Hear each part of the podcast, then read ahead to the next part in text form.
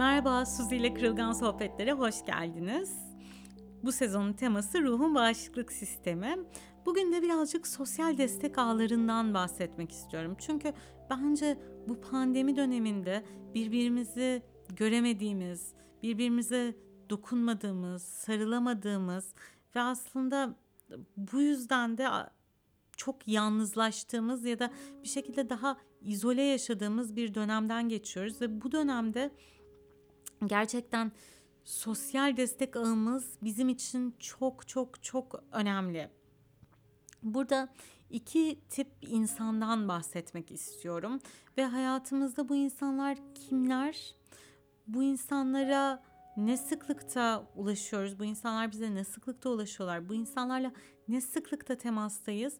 Buna bakabiliriz ve bu programın daveti bu insanlarla daha sık temasta olmanın yollarını bulmaya. Bahsetmek istediğim ilk grup hikayemizi dinlemeyi hak etmiş insanlar. Yani etrafımızda bizim gerçekten yanımızda olabilen, bizimle empati kurabilen, bizi sevdiklerini, bizi önemsediklerini, bizim yanımızda olmak istediklerini gerçekten içimizde hissettiğimiz insanlar.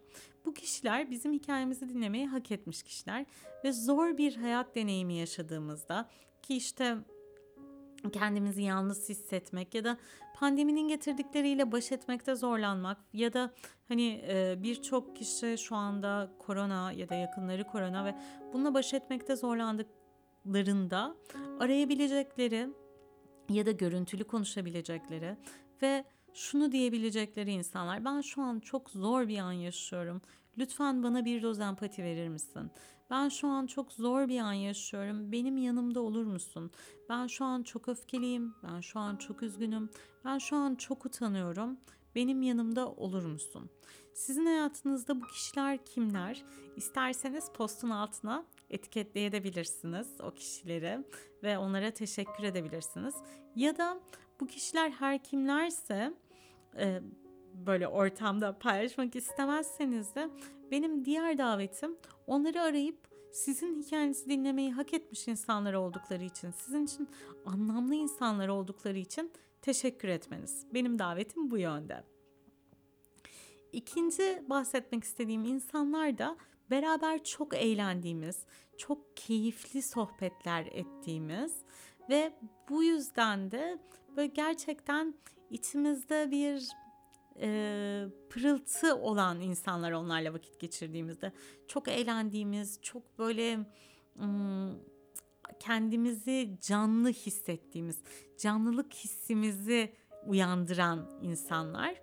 Bu kişilerde bazen kalabalık gruplar oluyor, bazen daha işte e, ne bileyim geyik muhabbeti yaptığımız insanlar da olabiliyorlar. Mesela belki pandemi döneminin başında siz de izlemişsinizdir. Tekrar başladılar mı bilmiyorum ama umarım başlarlar. Bartu Çağlayan ve Melik Şahtaş gerçekten böyle inanılmaz güzel muhabbetler ediyorlardı. Geyik muhabbeti de vardı içinde. Çok eğlenceliydi. Ve mesela ben onlarla vakit geçirmekten yani onları izlemekten bu arada çok çok çok keyif aldım. Ve gerçekten hayatımızda da aslında bu şekilde keyif aldığımız yani ya güzel ya dediğimiz, eğlenceli, tatlı ya falan dediğimiz insanlar var ve bu bazen aktivitelerle oluyor. Şu anda o aktiviteleri yapmak daha zor tabii. Ama işte atıyorum filmi izleyip konuştuğunuz insanlar olabilir. Yani e, filmi ayrı ayrı yerlerde izleyip buluşup konuştuğunuz, kitapları ayrı yerlerde okuyup buluşup konuştuğunuz, yani Zoom ortamında buluşup konuştuğunuz demek istiyorum. E, insanlar olabilir. Bu tarz insanlar kimler? Ve onlarla ne sıklıkta iletişime geçiyorsunuz? Gerçekten bence hepimizin özellikle bu zor günlerde iki gruptan da insana çok ihtiyacı var. Yani her zaman ihtiyacımız var ama bugünlerde daha da çok ihtiyacımız var. Bu iki gruptan insana. Ve e, bu insanlar sizin için kimlerse onlar sizin ilk yardım çantanızın içerisinde yerini almalı ve siz onlarla ara ara görüşebilirsiniz. Bir de ben bu e, sosyal destek ağından bahsederken şundan da bahsetmek istiyorum ama bu bir sonraki podcast'te ya da üç sonraki podcast'te hani hangi e, sırayla yayınlayacağımıza karar vereceğiz. Sınırlardan bahsetmek istiyorum.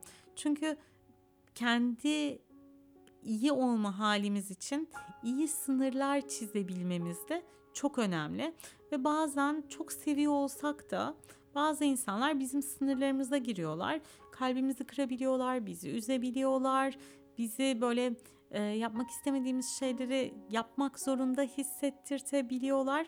Gerçekten o sınırları nasıl çizebiliriz ve bu sayede iyi olma halimizi nasıl destekleyebiliriz? Bununla ilgili de bir podcast geliyor yolda.